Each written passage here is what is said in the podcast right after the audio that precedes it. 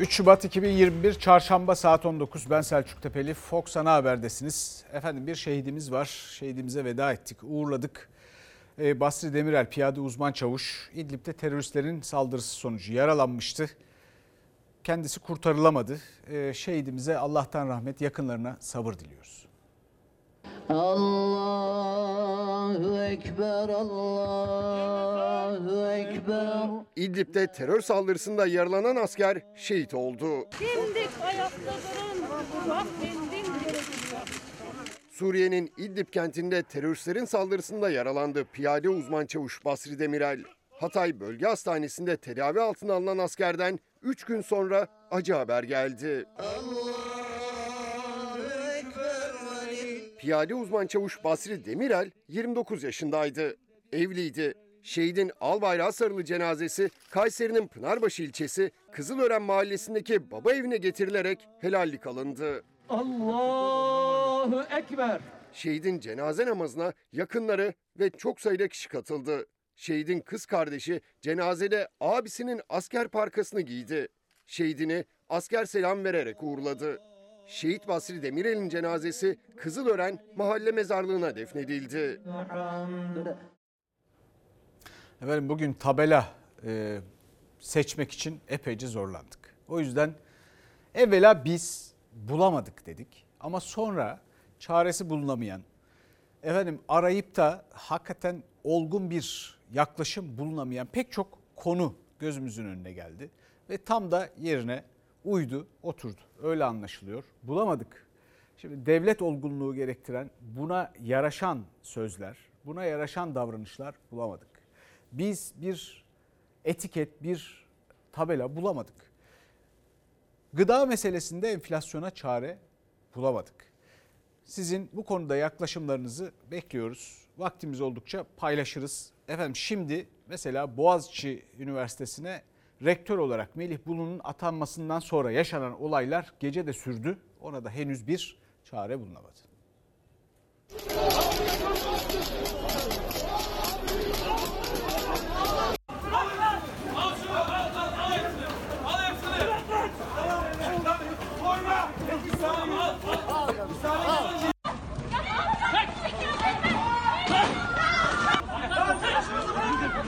Plastik mermi, biber gazı, tekmeler, yumruklar.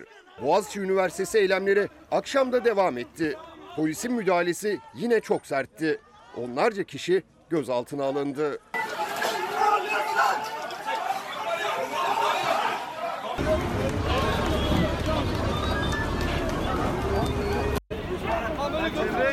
Gecesi gündüzü neredeyse hep aynıydı görüntülerin. Cumhurbaşkanının Melih Bulu'yu Boğaziçi Üniversitesi'ne rektör atamasıyla başlayan eylemlerde tansiyon düşmüyor.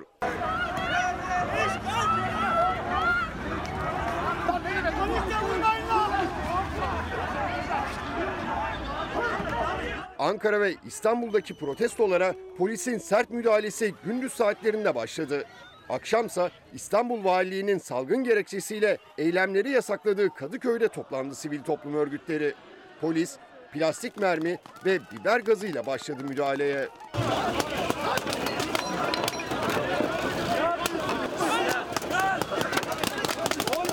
Eylemcileri yakın mesafeden sıktığı plastik mermiyle dağıtmaya çalıştı polis. Gençlerin gözaltına alınmasına çevredekiler de tepki gösterdi.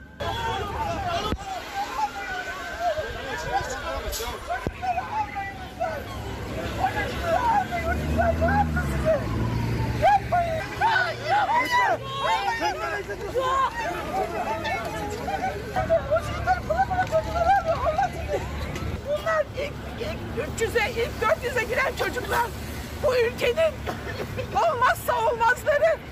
Gitmemişler onlara dünyanın her yerinden borç verildi. Gitmedi o çocuklar. Şimdi o çocukları hapse atıyorsunuz, tutukluyorsunuz. Utanmıyorsunuz ya. Polis kimsenin bir araya gelmesine izin vermedi. Hatta müdahale sırasında meslektaşını bile eylemci sanıp gözaltına almaya çalıştı bir polis.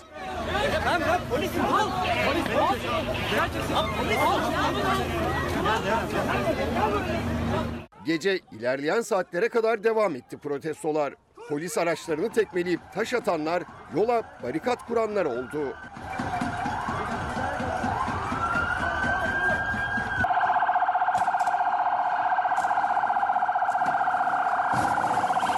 Saatler 21'i gösterdiğinde ise Boğaziçi Üniversitesi öğrencilerine destek için evlerde de ışıklı, tencereli tavalı protesto başladı. Pazartesi günü gözaltına alınanlardan 11'ine ev hapsi verildi. Salı akşamı Kadıköy'de ise 94 kişi gözaltına alındı. 65'i ifade verdikten sonra serbest kaldı. Yeni günde bir grupta gözaltındaki arkadaşlarına destek için Çağlayan Adliyesi'nde toplandı. Konya'da, İzmir'de de destek eylemleri vardı. Polisin sert müdahalesi o illerde de değişmedi. Ya bırakın orada bayılmış insanlar. Efendim orada polisler de, emniyet kuvvetleri de, öğrenciler de bu vatanın evlatları. Hükümetin veya hükümetlerin yanlış kararlarıyla bu insanların karşı karşıya gelmemesi lazım. Bir defa yasal olarak güç kullanma, şiddet kullanma hakkı millet tarafından devlete verilmiştir. Ama bu herkesin dövüleceği anlamına gelmez. Bu provokasyonlara imkan vermemekle, olgunlukla davranarak da sağlanabilecek yani asayiş dediğimiz şey sağlanabilecek bir şey. Bunun yapılması lazım. Burada neyin yanlış olduğunun gerçekten iyi irdelenmesi lazım. Ve bir de seçilen kelimelere ve sözlere çok da dikkat edilmesi lazım. Şimdi bütün bu olayların başlamasından beri Cumhurbaşkanı Erdoğan konuyla ilgili olarak muhalefetten ve başka yerlerden gelen eleştirilere cevap verdi ve dedi ki siz öğrenci misiniz, terörist mi? Siz öğrenci misiniz? Talebe misiniz? Yoksa siz rektörün odasını basmaya kalkışan, orayı işgale kalkışan terörist misiniz? Türkiye'nin evlatlarını serbest bırakın ve yarattığınız gerginliğe son verin. Türkiye'nin böyle evlatları yoktur. Çocuk veya öğrenci dedikleri vandaldır, barbardır, evlat değil, başı ezilmesi gereken zehirli yılanlardır. Bak Kemal, terörist arkadaşlarınla yola devam edeceksen buyur o yola devam et. Ama biz teröristlerle beraber olmadık, olmayacağız. Cumhur İttifakı ortaklarından açıklamalar arka arkaya geldi. Cumhurbaşkanı Erdoğan Boğaziçi'nde tırmanan gerilim ve rektör protestoları ile ilgili ilk kez konuştu. Terör örgütlerinin üyesi olan bu gençleri biz ülkemizin milli ve manevi değerlere sahip gençleri olarak kabul etmiyoruz. Sayın Cumhurbaşkanı, iktidara boyun eğmeyin, dik durun, görüşlerinizden taviz vermeyin. Böyle diyordu. İşte o gençler de o çağrıya cevap verdiler. Dik duruyoruz, boyun eğmiyoruz dediler. E şimdi siz diyorsunuz ki bunların hepsi suçlu. Boğaziçi Üniversitesi öğrencileri, öğretim üyeleri ve mezunlarının ortak çağrısı rektör Melih Bulu'ya görevden ayrılması yönünde. Rektörün atamayla değil seçimle gelmesini istiyorlar. Muhalefet de aynı görüşte. Boğaziçi Üniversitesi'ne bir kayyum rektör atandı. Öğrenciler istemiyor. Öğretim üyeleri istemiyor. Eski mezunları istemiyor. Ama gerginlik artıyor. Çocuklarımıza şiddet uygulanıyor. Terör örgütlerinin birer temsilcisi olanları bu ülkenin evlatları veya kendisinin de arkadaşları olarak tanımlıyor. Recep Tayyip Erdoğan eğer köşeye sıkışırsa hemen ortaya çıkıyorsun ve insanları terör örgütü üyesi olmakla suçluyorsun. Cumhurbaşkanı Erdoğan rektör seçimle gelsin diyen öğrencilere de öfkeli muhalefete de. Muhalefet ise iktidarı gerilimi tırmandırmakla suçluyor. Bu ülke teröristlerin hakim olduğu bir ülke olmayacak. Buna da asla fırsat vermeyeceğiz. Onun için de gereği neyse bunu yapıyoruz. Yapmaya devam edeceğiz. Artık bu ülke Taksim'deki bir gezi olayını yaşamayacak ve yaşatmayacaktır. Karşımızda kontrolünü kaybetmiş bir siyasi iktidar var. Gerginlikten besleniyor. Ve bizler aklı selim sahibi olmak zorundayız. Sağduyuyla hareket etmek zorundayız. İktidarın değirmenine su taşımamak zorundayız. Bizim gençlerimiz Boğaziçi Üniversitesi'nde olduğu gibi yok LGBT'ci, yok şucu yok bucu değil. Polisine saldıran değil, tüm polisiyle beraber el ele dimdik yola devam eden bir gençlik. Bir tane intihalci profesörü rektörlük koltuğuna oturtmak için bu kadar gence zulüm yapmaya değer mi ya? Rektör atamasıyla başlayan gerilimin siyasete yansıması böyle. Efendim iktidardan sık sık duyabileceğiniz, duyduğunuzu hatırlayabileceğiniz bir şey söyleyeyim şimdi size. Araya provokatörler karışmış olabilir mi? Olabilir. Bu fırsatı vermemek lazım. Ama aynı zamanda herkesi aynı kefeye de koymamak lazım. Şimdi orada terör örgütleriyle ilişkisi olan birileri varsa ki böyle e, bir takım yorumlar, ifadeler, eleştiriler hatta öz eleştiriler Boğaziçi Üniversitesi'ndeki çocuklardan oranın öğrencisi olanlardan da geliyor. Onların sesi de pek duyulmuyor.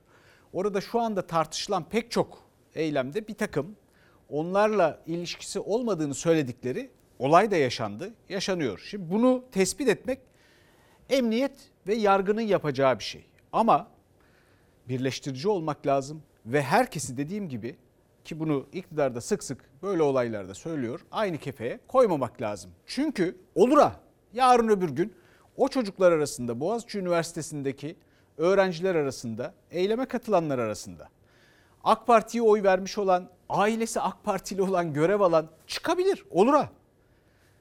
Bunlara dikkat etmek lazım. Çünkü işte bunları ayrıştırmak zaten devletin görevi, devletin işi. Fakat dedik ya kelimelere çok dikkat etmek gerekir. Ayrıştırmamak, ülkeyi birleştirmek, bu büyük milleti bir arada tutmak, aynı ruh içinde eritmek ve birlikte yaşamasını sağlamak gerekir dedik ya. Ama millet adına görev yaparken mesela İçişleri Bakanı Sayın Soylu'nun bir ifadesi var. Türkiye ayağa kalksa diyor. Bakalım sonra nasıl devam ediyor. Bu öğrenciler rektörün odasına girecekler, rektörün odasını işgal edecekler. Boğaziçi Üniversitesi ayağa kalksa da müsaade etmem. Türkiye ayağa kalksa da müsaade etmem. Devletin gücünü kullanan bir kişi var. Süleyman Soylu. Gerçekten bir provokatör. Ben İçişleri Bakanı iken buna müsaade etmem. AK Parti Boğaziçi'ndeki olayları gezi benzeri toplumsal bir olaya dönüşmesini istiyor ve bunun için de kışkırtıyor. İçişleri Bakanı Süleyman Soylu'nun Türkiye ayağa kalksa izin vermem sözlerini muhalefet böyle yorumladı. Boğaziçi Üniversitesi Rektörü Melih Bulu'ysa bakana teşekkür etti. Rektörlük binasının 3 kapısı da ablukaya alınarak içeride çalışanların saat 9'a kadar dışarıya çıkmaları engellendi fiili olarak. Sayın e, İçişleri Bakanı da çok teşekkür ediyorum. Öğrencilerin gösterdikleri meşru, demokratik bir direniş var, bir protesto var. Bunu illegalize etmeye çalışıyor İçişleri Bakanlığı ve iktidar. Üniversitenin rektörünün odasına girecek, odayı işgal edecek. İşgalci olmak için mi? Terör örgütlerinin oradaki manipülasyonuna alet olmak için mi öğrenci oldu? Ülkenin en zeki ve çalışkan gençleri hırpalar, atanmış rektörü protesto ediyor diye gözaltına alırsanız o gençler de ilk fırsatta bu güzelim ülkeyi terk eder. Muhalefet öğrencilerin, akademisyenlerin atamaya karşı çıktığını söylüyor. İçişleri Bakanı ise eylemcileri işgalci olarak tanımlıyor. Haber Global Televizyonu'nda konuşan Süleyman Soylu, gözaltına alınanlardan 79'u terör örgütü üyesi dedi.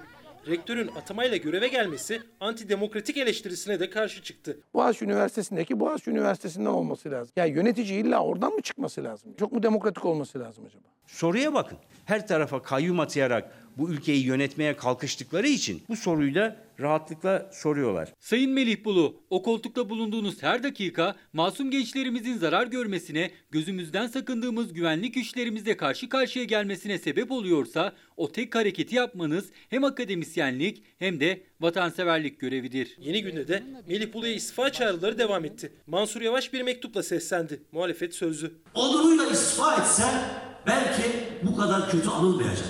İstifa da etmiyor, ettirilmiyor belki de. Tecrübelerimi Boğaziçi Üniversitesi'ne rektör olarak aktarma hayaliyle yaşadım. Bu hayalim gerçekleştiği için çok memnunum. Asla istifayı düşünmüyorum. CV'si önemli ama kişiliği de önemli. Kararı kim veriyor? Mütevelli heyeti veriyor. Mütevelliyet yok. Devlet diyor ki ben zaten e, maliyetini karşılıyorum. Üniversitede beklentim yok. E o zaman da Şöyle bir şey olabilir mi? İsmail Küçükkaya ile Fox Çalar Saat programına katılan Profesör Doktor Mustafa Ergen de dünyadan örneklerle Türkiye'deki rektör atamalarını karşılaştırdı.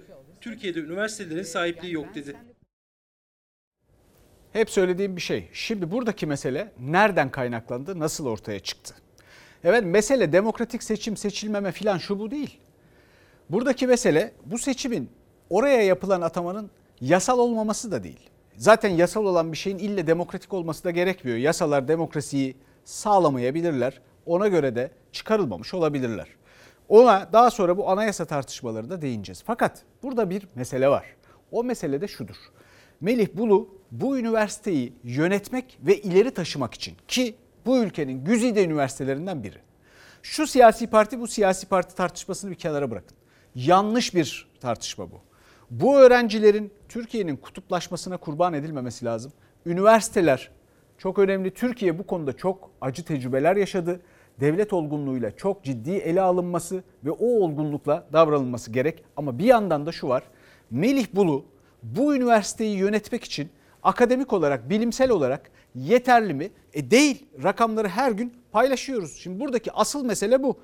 Orada yönetmesi beklenen insanlardan yaptığı yayınlar bakımından 2-3 kat daha geride.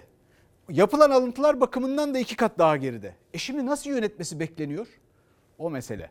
Bu durumda herhangi bir üniversitenin dünyada daha ileri götürüldüğünü, daha ileri gittiğini, geliştiğini gören de yok. Birçok araştırma var. Şimdi başınızı ağrıtmayayım. Önümde araştırmalar, 2-3 araştırma var. Ama açmayacağım bu konuyu. Var. İsteyene de anlatırım, veririm sonra bu araştırmaları. Şimdi buradaki mesele budur. Ve Türkiye Devlet Bahçeli'nin dediği gibi bakın bu kutuplaşma içinde bir takım stres testlerinden geçiyor ve devlet bunun üstesinden gelecek kadar olgunlukla davranabilir. Öyle davranmasını da bekliyoruz bir yandan. Şimdi bir de biliyorsunuz Covid-19 ve hatta onun bir de mutasyonlu versiyonları başımızın belası. Bununla ilgili önlemler alınıyor ama bir türlü vaka sayıları istenen seviyede azaltılamıyor. Aşılama da yavaşladı. Aşı da tedarik edilemiyor. Sayın Cumhurbaşkanı da e, birçok demeç verdi. İmzalar atıldı, aşılar geliyor, anlaşma tamam. Sayın Koca Sağlık Bakanı bunları söyledi. Fakat dün Sayın Cumhurbaşkanı dedi ki ya dışarıdan aşı tedariki zor. Yani aşı gelmeyebilir dedi anladığım kadarıyla. Virüsün mutasyonlu haliyle nasıl baş edeceğiz? Bu bir mesele çünkü daha hızlı yayılıyor. PCR testi pozitif olanlarda mutasyon var mı yok mu diye de araştırılıyor. Sağlık Bakanlığı İngiltere'de ortaya çıkan mutasyonlu virüsü tespit eden test kitini bütün hastanelere gönderdi. İlk testi pozitif çıkanlara mutasyon testi de uygulanıyor. Çünkü kısıtlamaların devam etmesine rağmen vaka sayısı arttı. Günlük vaka 7795'e yükseldi. İlk incelemelerde 17 ilde 128 kişide mutasyona rastlandığı açıklanmıştı. Sağlık Bakanı Fahrettin Koca virüsün bu yeni formunun hızla yayıldığını açıkladı. Mutant virüste açıkladığımız rakamın çok üstüne çıktık şu anda. İl il artış sürüyor. Artmaya da devam edecek gibi. Mutant virüsün daha kolay bulaştığını, belirtinin daha erken çıktığını görüyoruz. Cerrahpaşa Tıp Fakültesi Dekanı Profesör Doktor Sait Gölen'e göre çift maske mutasyonlu virüse karşı daha etkili. Öldürücülükte de bir artıştan ziyade daha hızlı yayılıyor. Özellikle maskeye rağmen yayılabildiği söyleniyor. Maske çok yakın mesafede yeteri kadar korumayabilir. İki maske daha iyi korur diye düşünüyoruz ama fiziki mesafe çok önemli. Ben zaten çift maske kullanıyorum gördüğünüz gibi. İngiltere'de mutasyonlu virüsün de mutasyona uğradığı tespit edildi. Yani koronavirüs hızla değişime uğruyor. Uzmanlara göre eldeki aşılar hala etkinliğini koruyorken olabildiğince fazla kişi aşılanmalı. Türkiye'de 75 yaş üstünün aşılanmasına devam ediliyor. Aşılananların sayısı 2 milyon 400 bine ulaştı. Önümüzdeki 5-6 ay belki daha fazla bu şartlarda yaşamaya devam etmemiz lazım ki aşı büyük oranda yapılmış olsun, sürü bağışıklığı toplumda gelişmiş olsun ama ne zaman rahat ederiz diye soruyorsanız yeryüzünde Covid-19'lu hasta kalmayana kadar bu mücadele devam edecek diye düşünüyorum. İlk günlere göre Çin aşısının uygulanması yavaşladı. Henüz ufukta başka bir aşı da yok. Rus aşısınınsa faz 3 çalışmalarının ara sonucu açıklandı. Aşının %91,6 etkin olduğu tespit edildi. Ancak daha önce Türkiye'de de üretileceği açıklanan Rus aşısına ilişkin Türkiye'nin yol haritası hala belli değil. Mutasyon nedeniyle 3. dalga uyarıları gelirken hala tedbirlere uymamakta ısrar edenler var. Esenyurt'ta salgın döneminde 5 kez basılarak mühürlenen kıraathanede yine oyun oynayan kalabalık bir grup yakalandı.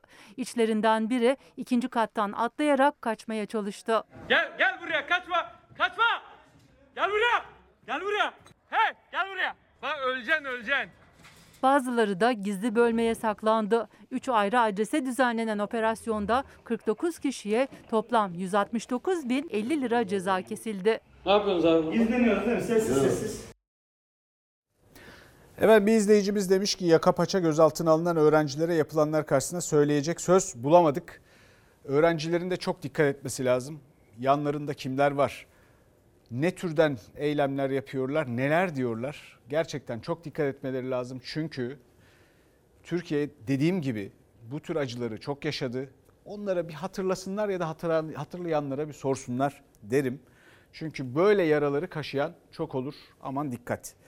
Şimdi İzmir'e gideceğiz. İzmir'de biliyorsunuz 1930'dan beri e, böyle bir e, yağış ve neticesinde sel görülmedi. Bunu söyleyen e, 9 Eylül Üniversitesi'nden Doğan Yaşar Profesör Oşinograf. Oşinograf'ın e, bu değerli oşinografımızın e, söylediği şeyin aynı zamanda bir takım başka yayınlarda ve kaynaklarda teyitleri de var. Ondan da bahsedeceğim. İzmir şimdi bu afetin ardından yaralarını sarmaya çalışıyor. Bakıyor arabaların içerisine kalan var mı diye tespit etmeye çalışıyor. Buna yetkililerin buna bir çözüm bulmasını istiyoruz. Yani bize bir yardım etsinler. Bütün esnafın halini görüyorsunuz. Pandemi nedeniyle zor günler geçiren esnaf sel felaketiyle bir darbe daha aldı. Sel gitti, ev ve iş yerlerinde hasarı kaldı. İzmirliler yaralarını sarmaya çabalıyor. Pandemi sürecinde zaten zararda olan işletmelerin bu selde iyicene zarara girdiğini söyleyebiliriz. Umarım gereken yardımlar, düzenlemeler kısa süre içinde yapılır. İzmir son yılların en büyük sel felaketini yaşadı. Metrekareye 126 kilogram yağış düştü. İnsanlar evlerinde, araçlarında mahsur kaldı. İyi sağ olasın. Sağ ol komiserim. Yardım çağırdık bekliyoruz. Tamam sağ ol çok teşekkür ederiz. Çok sağ ol. Komiser Enezal beline kadar suyun içinde yürüyerek araçlarda mahsur kalanlara böyle yardım etti. Trafik komiserimiz sağ olsun. Allah razı olsun. Arkadaşlar 10 numara bir delikanlı bizi yolda bırakmadı. Allah da onu yolda bırakmasın. sizi de alayım mı? Allah ne muradı varsa versin. Bu görüntü ise Seferihisar ilçesinde kaydedildi. Hemşire Ayla Kırs evinden çıkamayan hastaya ulaşabilmek için her şeyi denedi. Sel 66 bin dönüm alanı su altında bıraktı. Menderes ilçesinde bulunan Yeniköy Sulama Göleti'nin doluluk nedeniyle boşaltılmasına karar verildi. Gölet çevresindeki iki mahalle tedbir amacıyla boşaltıldı. Ben 60 yaşından böyle bir şey görmedim. Dev dağlar mağlar bir dakikada boşaldı. Önce pandemi, şimdi de sel felaketini yaşayan esnaftansa yardım çığlığı yükseldi. Kiramı ödeyemiyorum. Yani her yerde mağdurum. Ben ne yapacağımı bilmiyorum. Çok perişan bir durumdayız. Yani neyini anlatayım? Diyecek kelime bulamıyorum. Zaten işler keser. Selde hayatını kaybeden Hıdır Öztürk ve damadı Kaan Soydan da son yolculuklarına uğurlandı. Kaan Soydan iki çocuk babasıydı. Cevat Korkut'un 1992'de yazdığı bir kitap var. O kitapta diyor ki İzmir Körfezi çöküyor. İzmir Körfezi'nde sular da yükseliyor. Bütün e, şehirleşme planlarının buna göre yapılması lazım. Ah bakan kim? Şimdi e, o ovalarda işte bu sorunları, bu sel meselesini filan yaşıyoruz. Bu arada dedim ki ya bu İzmir'deki barajlara bir bakalım. 6 tane baraj var ve barajlardaki doluluk oranı 1930'dan beri yaşanmamış yağış bir günde İzmir'de yaşanıyor. Tahtalı e, Barajı %53 dolu. Balçova %84, Ürkmez Barajı %100, Güzelhisar %74, Alaçatı %69, Gördes %5. Şu andaki doluluk oranları bu. Ortalaması %64. Geçen seneyle kıyaslayalım. %25 geçen senenin aynı döneminin e, ortalamasının üzerinde. İki insanımızı canımızı kaybettik İzmir'de. Barajların arasında %100 doluluk olan barajda kapaklar açıldı. O ayrı bir sel tehlikesi yaratıyor. Barajlar arasında irtibat yok. DSİ'nin dolu olan barajdan boş baraja herhangi bir su aktarımı yapabildiğini yapabileceğini göremiyoruz burada. Yapamıyor belli ki. Kapaklar açılıyor. Bir tehlike daha yaratılıyor. Altyapı meselesi bu işte. Böyle neredeyse 100 senedir yaşanmayan bir yağış yaşanmış ama barajlar hala boş. Ama bu arada bu selde iki yurttaşımızı, vatandaşımızı kaybetmişiz. Altyapı ile ilgili sıkıntılar yani takdiri ilahi değil, takdiri idari meselesi sürmekte. Efendim şimdi bir başka tartışmamız var. Yeni anayasa biliyorsunuz. Bu yeni anayasa tartışması ile ilgili gerçekten söylenecek çok şey, çok söz var, çok şey var. Bilhassa da e, bizim bulamadık dediğimiz yani ne diyeceğimizi bulamadık dediğimiz konulardan bir tanesi budur. Bu anayasa Cumhurbaşkanlığı hükümet sistemi başta olmak üzere ülkemize kazandırdığımız tarihi atılımların üzerinde inşa edilecektir. Onun niyeti sadece iktidarını perçinlemek. Bunun bizim değil, milletimizin talebi olduğunu da özellikle belirtmek isteriz. Daha ne istiyor merak ediyorum ya. Kararname çıkarıyor, yaylaya imara açılıyor. Rektör atıyor. Her şeyi yapmaya muktedir. Daha ne istiyor bilmiyorum. Türkiye'nin başına daha büyük bela getirebilecek yeni bir düzenlemeye hazırlanıyorlar. Biz bu işe müsaade etmeyiz. Cumhurbaşkanı Erdoğan yeni günde yeni anayasa hazırlığının çerçevesini sistemin güçlendirilmesi vurgusuyla çizdi. Muhalefetin kapısı kapalı. Başkanlık sistemini güçlendirelim. Ya muhalefet başta diyor ki başkanlık sistemi bugünkü haliyle bile yanlış. Bir de bunu güçlendirmeye kalkarsanız tüm de yanlış olur. Mevcut anayasayı bir kenara bırakıp yeni sivil bir anayasa üzerinde çalışmak Türkiye'nin önünde 2053'e kadar uzanacak engin ufuklar da açacaktır. Bu yeni anayasadan bekledikleri bir şey var. Tek adam rejimini biraz daha oturtmak. Biz İyi Parti olarak Cumhurbaşkanlığı hükümet sistemi dedikleri bu ucube sistemden Türkiye'yi kurtaracak her türlü işbirliğine hazırız dedik. Süreci sabote etmek yerine olumlu katkıda bulunmak isteyen herkesi yeni anayasa çalışmalarının içinde görmek istiyoruz. Muhalefet güçlendirilmiş parlamenter sisteme dönüş istiyor. Cumhur İttifakı ortakları mevcut sistemin güçlendirilmesi için anayasa değişikliği diyor. Ancak AK Parti MHP oyları bir anayasa değişikliği ya da referandum için yeterli değil. Hiç değilse bundan sonra karşımızda yerli ve milli olabilmeyi başaran bir ana muhalefet görebilmeyi ümit ediyoruz. Yeni anayasa vurgusu yapanlar öncelikle anayasaya sadakat yeminlerini unutmasınlar. O tarafsızlığı gerçekleştirsinler. AK Parti olarak bu doğrultuda bize bir adım gelene on adım gitmekte asla tereddüt etmeyiz. Maalesef Adalet ve Kalkınma Partisi'nin bu konudaki sicili bozuktur. Bunun içerisinde mutlaka ve mutlaka Türk milletinin hoşuna gidebilecek birkaç madde koyacaklardır. Onunla beraber kendi meselelerini çözecek maddeleri de beraber geçirmeye çalışacaklardır. Biz bu oyunu bozarız. Yeni anayasa tartışması henüz çok taze ama muhalefetten kim konuşsa destek vermeyeceğini söylüyor. Efendim Anayasa Mahkemesi anayasanın tartışıldığı, yeni anayasanın tartışıldığı üstelik şu anki anayasanın iktidar tarafından ihlal edilerek bir takım çözümsüz, çaresi bulunamayan sorunlar üzerine yeni anayasanın tartışıldığı günlerde Anayasa Mahkemesi Enis Berberoğlu ile ilgili gerekçeli kararını açıkladı. Gereğinin yapılması için de hem meclise hem de HSK'ya e, bu e, gerekçeyi ve e, talebini iletti. Anayasal düzenin korunması yalnızca Anayasa Mahkemesi'nin görevi değildir diyor. İhlal kararının gereğinin yerine getirilmesi yalnızca ilgili derece mahkemelerinin değil, Türkiye Büyük Millet Meclisi ile Hakimler ve Savcılar Kurulu olmak üzere kamu gücünü kullanan diğer organların da görevidir. Anayasa Mahkemesi tabiri caizse bir çağrı yapıyor Türkiye Büyük Millet Meclisi'ne bu şekilde bir tembihte bulunması, bir nasihatta bulunması Anayasa Mahkemesi'nin çok açık bir yetki aşımıdır. Bu kararı siyasi bildiriye dönüştüren bir kısmıdır bu. CHP Enis Berberoğlu hakkında ikinci kez hak ihlali kararı veren Anayasa Mahkemesi kararın gerekçesini yerel mahkeme ile birlikte Türkiye Büyük Millet Meclisi'ne de gönderdi. CNN Türkiye konuşan Meclis Başkanı Anayasa Mahkemesi kararı için siyasi bildiri derken o kararı yüksek mahkemeye iade etti. Ne yapacağız? Anayasa Mahkemesi ne demek istiyor? Türkiye Büyük Millet Meclisi bu Anayasa Mahkemesi kararına uymayan mahkemeyi bir kanunla kaldırsın mı? La mı etsin? Siz de üzerinize düşen görevleri yerine getirin. Enis Berberoğlu parlamentoda, mecliste olmalı. İlk hak ihlali kararına yerel mahkeme direnince Anayasa Mahkemesi Enis Berberoğlu ile ilgili ikinci kez hak ihlali kararı verdi. Yeniden yargılanması gerektiğini söyledi. Gerekçesinde ise yerel mahkemenin anayasayı ihlal ettiğini belirtti. İlk derece mahkemesi veya kamu gücünü kullanan organların yapılması gerekenlerin gerekliliği veya yerindeliği konusunda bir takdir payı bulunmamaktadır. Bir hukuk devletinde anayasal hükümlere uymamanın ilgililer açısından cezai, idari ve hukuki sonuçlar doğuracağı açıktır. İlk derece mahkemesi diyor. Benim kararımı sorgulayamaz. Anayasa Mahkemesi kararları anayasaya göre bağlayıcı. Bunda bir tereddüt yok. Diğer mahkemelerin buna uyması lazım. Anayasa Mahkemesi bu kez bir ilki de gerçekleştirdi. Hak ihlali kararını yerel mahkeme ile birlikte Hakimler Savcılar Kurulu ve Türkiye Büyük Millet Meclisi'ne de gönderdi.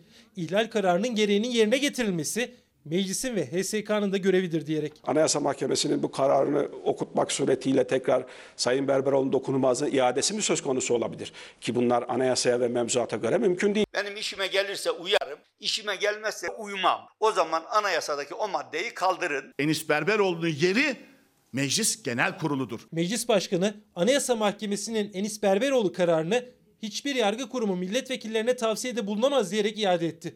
Şimdi gözler yerel mahkemenin nasıl bir karar alacağında. CHP ise Berberoğlu'nun vekilliğinin iadesinde ısrarlı. Efendim bu hikayenin en başında Sayın Şen, Şentop Meclis Başkanı biliyorsunuz dokunulmazlıkların kaldırılması kaldırılma ile ilgili uygulama en başında demişti ki dokunulmazlıklar her bir seçim dönemi için geçerlidir. İkinci bir dönemde yeniden karar alınmalıdır demişti. Sonra kararından vazgeçti ve bütün bu meselelerin başında aslında kendisi var. Başlangıcında. Şimdi Sayın Şentop ki bir anayasa hukukçusu bildiğim kadarıyla çağdaş sanat eseri gibi öyle absürt ifadeler, sözler ediyor, öyle demeçler veriyor ki gerçekten sergilenebilirler yani. Şimdi biliyorsunuz öyle çağdaş sanat eserleri var. Adam bir duvara gidiyor bir muz asıyor. Bir başkası geliyor şu kadar para veriyor filan. Şimdi bu aralar herkes sanatçı. Her şey sanat. Öyle tuhaf bir durum oluştu. Sayın Şentop'un hukuka dair söyledikleri de aşağı yukarı öyle. Ne diyor e, Sayın Şentop? Anayasa Mahkemesi'nin meclise gönderdiği bu e, gerekçeli karar ve gereğinin yapılması talebiyle ilgili olarak diyor ki ne yapalım? Yerel mahkemeyi mi kapatalım? Yerel mahkeme dediği Anayasa Mahkemesi'nin kararını ikinci defa aldığı halde uygulamayan yerel mahkeme. Bu arada HSK ile ilgili hiçbir gelişme yok. Yani HSK bu konuda bir karar almamış. Sanki arada yapılacak olanlar yapılmış gibi. Şimdi mesele şu. Yerel mahkemeyi mi kapatalım demeciyle aslında Anayasa Mahkemesi'ni kapatmış oluyorsunuz. Çünkü Anayasa Mahkemesi anayasanın yeni anayasa için çok heyecan verici diyor Şentop. Yeni anayasanın tartışıldığı bu günlerde şu anki anayasayı uygulamadığınız anlamına geliyor ve meclis başkanı e, bunu bir şekilde de telaffuz ediyor. 153. maddesi anayasanın diyor ki Anayasa Mahkemesi kararları yasamayı yani meclisi, yürütmeyi, yargıyı bağlar. E bunu uygulamıyorsunuz.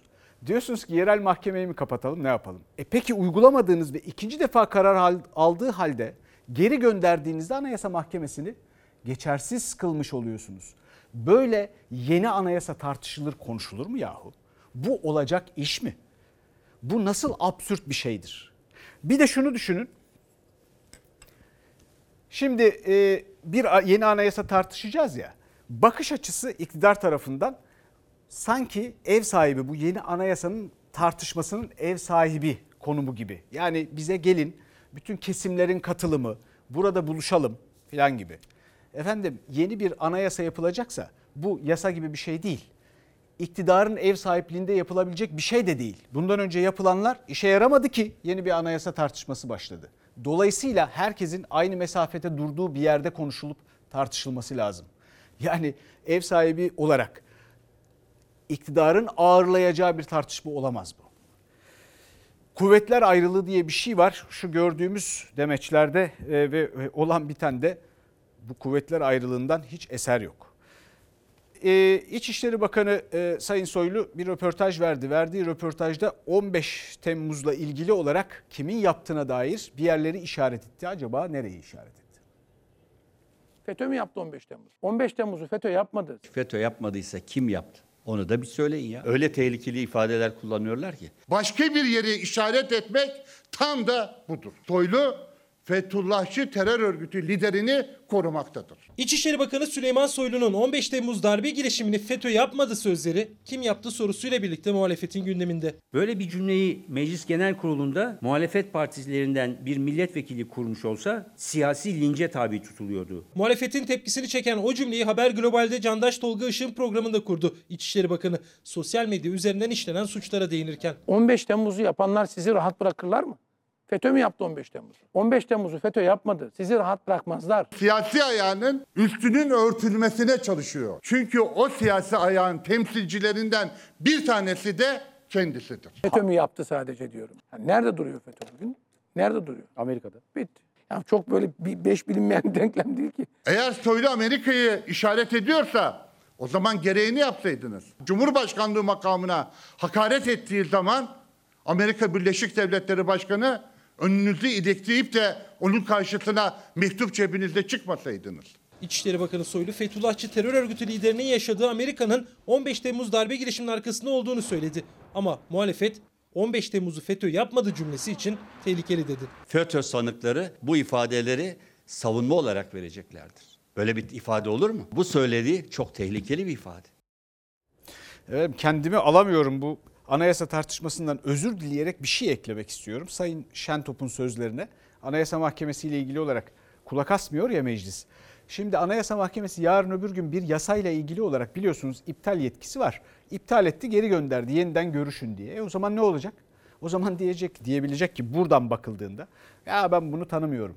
Ya o zaman bu ülkede hiç kimse hiç kimseyi dinlemez. Bu ülkede hiçbir düzen sağlanamaz. Nerede devlet olgunluğu hakikaten biz bulamadık. Bunu anlamadık yani.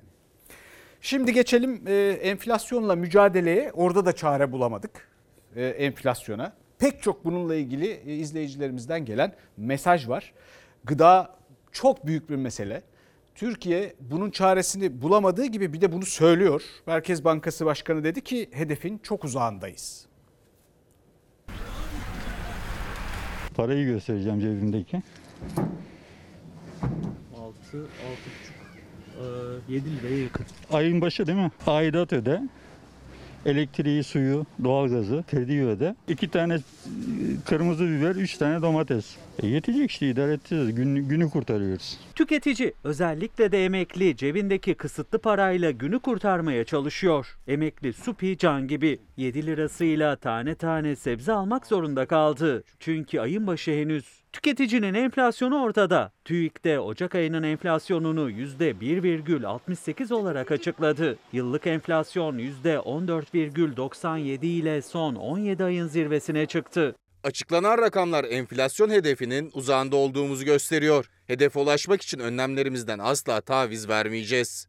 Yıllık enflasyon evet %15'e geldi ama öte taraftan bizim çok sık kullandığımız, çok sık tükettiğimiz mal ve hizmetlerdeki enflasyon oranları, fiyat artışları %50'lerin üzerine çıkmış. Dolayısıyla vatandaşın hissettiği enflasyonda çok daha yüksek kalıyor. Hazine ve Maliye Bakanı Lütfi Elvan'a göre hükümetin enflasyon hedeflerinin uzağında TÜİK'in açıkladığı rakamlar. Ekonomistlere ve tüketicilere göre de resmi rakamlar çarşı pazardaki rakamlardan uzak. Çünkü herkesin cebini ilgilendiren gıda enflasyonu %18,11'e yükseldi. En çok tüketilen temel ürünlerdeki yıllık artışsa %50'nin üstünde. alışveriş yaptığımızda her zaman bir 50 kuruş 25 kuruş falan böyle hepsi otomatikman sanki böyle haftada bir diyorlar ama bence 3 günde bir de değişebiliyor. Özellikle sofraların olmazsa olmazı temel gıda maddelerindeki bir yıllık artış çok dikkat çekici. Tüketicilerin özellikle son günlerde fiyatından dert yandığı ayçiçek yağındaki bir yıllık artış %54. Gelelim yumurtaya. Yumurtanın da fiyatı aydan aya arttı.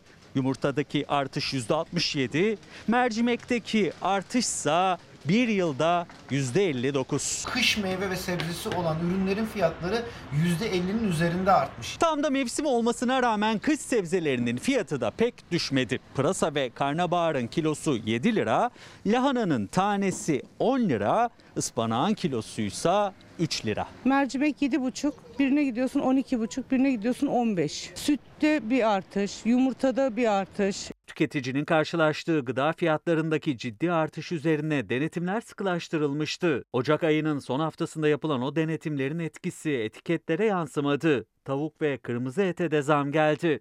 Yumurtada bir tepki gösterilince yumurta şu anda frene basmış vaziyette. Ama frene basarken bu sefer de kırmızı et ve tavukta, beyaz ette şu anda zamlama. Bir anda 3-4 lira bir anda zam gelmeye başladı. Üreticinin maliyeti bir yılda %25 artarken bu sadece fiyatları %15 yansımış. Ne demek bu? Üretici daha fazla bu maliyet yükünü üzerinde tutmayıp tüketiciye yansıtacak demek. Gıda fiyatları artarken giyimde ise düşüş var. Nedeni talep olmaması. Yani tüketici salgın döneminde sadece gıda harcamalarıyla baş etmeye çalışıyor. 2014 yılında e, kıyafet e, ve ayakkabı ihtiyacımı görmüşüm en son. Hep gıda, hep gıda, temel ihtiyaçlar. Gıdada enflasyon %18. Tabii bunlar TÜİK rakamları. Sizin bizim yaşadığımız, sokakta yaşadığımız, pazarda yaşadığımız bambaşka. Çok yüksek.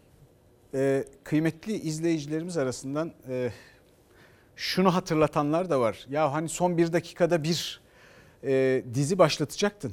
Bir dakikalık dizi. Orada tarım ve gıdadaki meseleyi e, izah edecektin. Efendim ondan vazgeçtim. Niye olduğunu söyleyeyim size.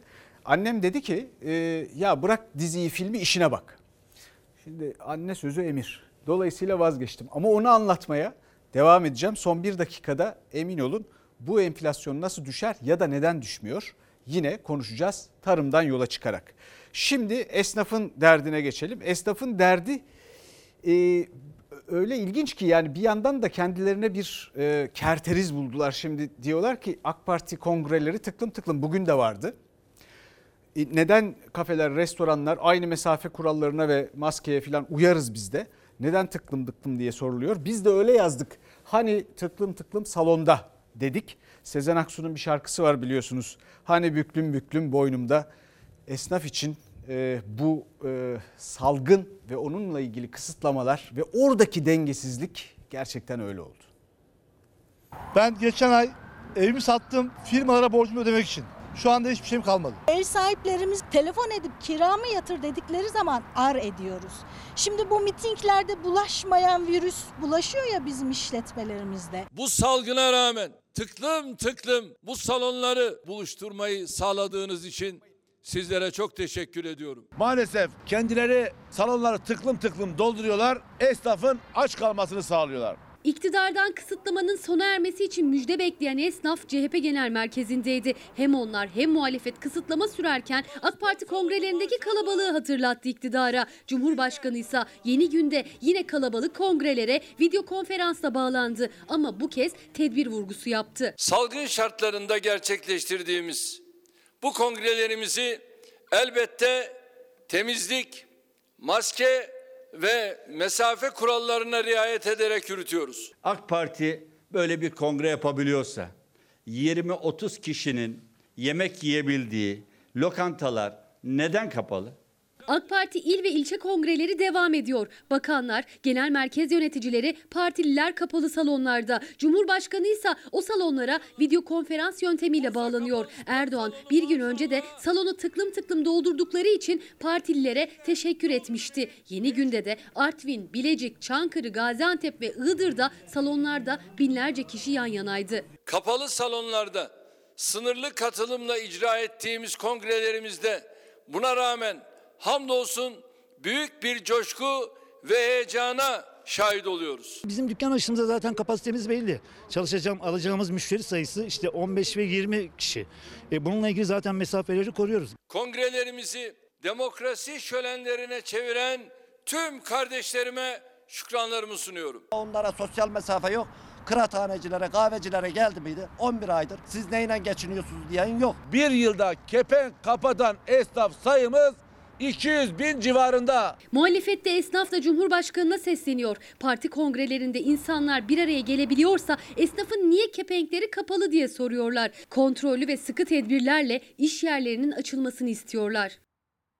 Efendim bu koşullarda DİSK Genel Başkanı Arzu Çerkezoğlu diyor ki asgari ücret bürüt değil net olsun.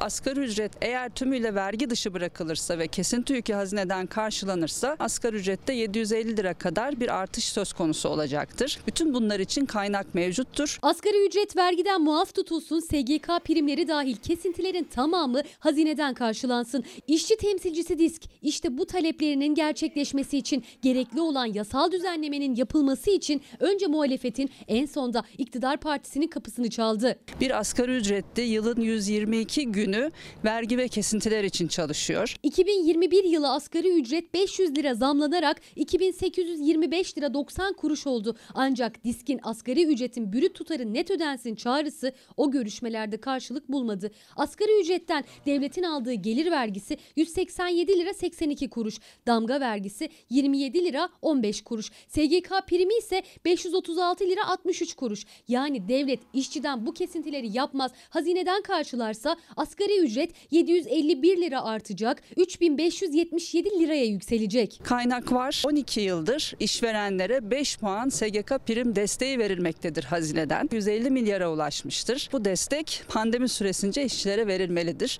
Şimdi değilse ne zaman? Çalışanların yarısına yakını asgari ücretli. Sayıları 10 milyonun üzerinde. Disk asgari ücrette 750 liralık artışın olabilmesi için kaynak var diyerek yasal düzenleme istiyor. Muhalefetin desteği tam ama iktidarın tavrı önemli. Sayın Bostancı da bizim önerilerimizi, dosyamızı inceleyeceklerini, bu konuda gerekli değerlendirmeleri yapacaklarını ifade ettiler. Şimdi bir aramız var. Efendim bu bir dakikaya ne sığacak bilmiyorum. gerçekten. Fakat e, DASK koordinatörü Erdal Turgut Erdal Turgut'tan bir mesaj aldık. Dünkü haberlerimizde vardı. İzmir'de hasarlı binalarla ilgili tazminat ödemesi yapılmadığına dair. Kendileri bu işle ilgilenmişler ve bu ödeme yapılmış. Kendilerine teşekkür ederiz. Mesajı paylaşalım. Bunun yanında efendim şimdi pek çok mesaj var ve o mesajların arasında en çok tekrar edilen huzur bulamadık. Şimdi bu huzur bulmak ya da tarım ve gıdada çare bulmak nasıl bir e, en başta adım gerektirir? Ben kendi payıma naçizane aktarmaya çalışayım. Pek çok mesaj var. Öğrencilerimiz vatanın evladı onlar diyorum. Bir başka kutuptan itiraz edenler oluyor. Polislerimiz vatan evladı diyorum. Bir başka kutuptan itiraz edenler oluyor. Öğrencilerimiz bizim geleceğimiz. E, polislerimiz bakın İzmir'de pek çok hayat kurtardılar. Sabahtan akşama kadar sokaklarda bu kısıtlamalarda çalışıyorlar. Ne 3600 ek gösterge sözü tutuldu ne şu ne bu. Evet bazen ayar kaçıyor. Fakat bizim asgari bir müş- müşterekte hepimizin bu vatanın evladı olduğunu düşünerek, kutuplardan kurtularak, baktığımız taraftan hepimizin kendi doğrularının doğru olduğunu düşünmeden. Çünkü gerçek tek, hepimiz haklı olamayız. Adım atmazsak asgari bir müşterekte bu ülkenin sahibi olarak, evlatları olarak buluşmazsak ne yeni anayasa yapmak mümkün, ne e, efendim tarıma şuna buna çare bulmak mümkün. E, bunun için atılacak adımlar da gayet basit. Bizden bu akşamlık bu kadar. Bizden sonra Feride var sinema e, filmi. Televizyonda ilk. Yarın görüşmek üzere. Hoşçakalın.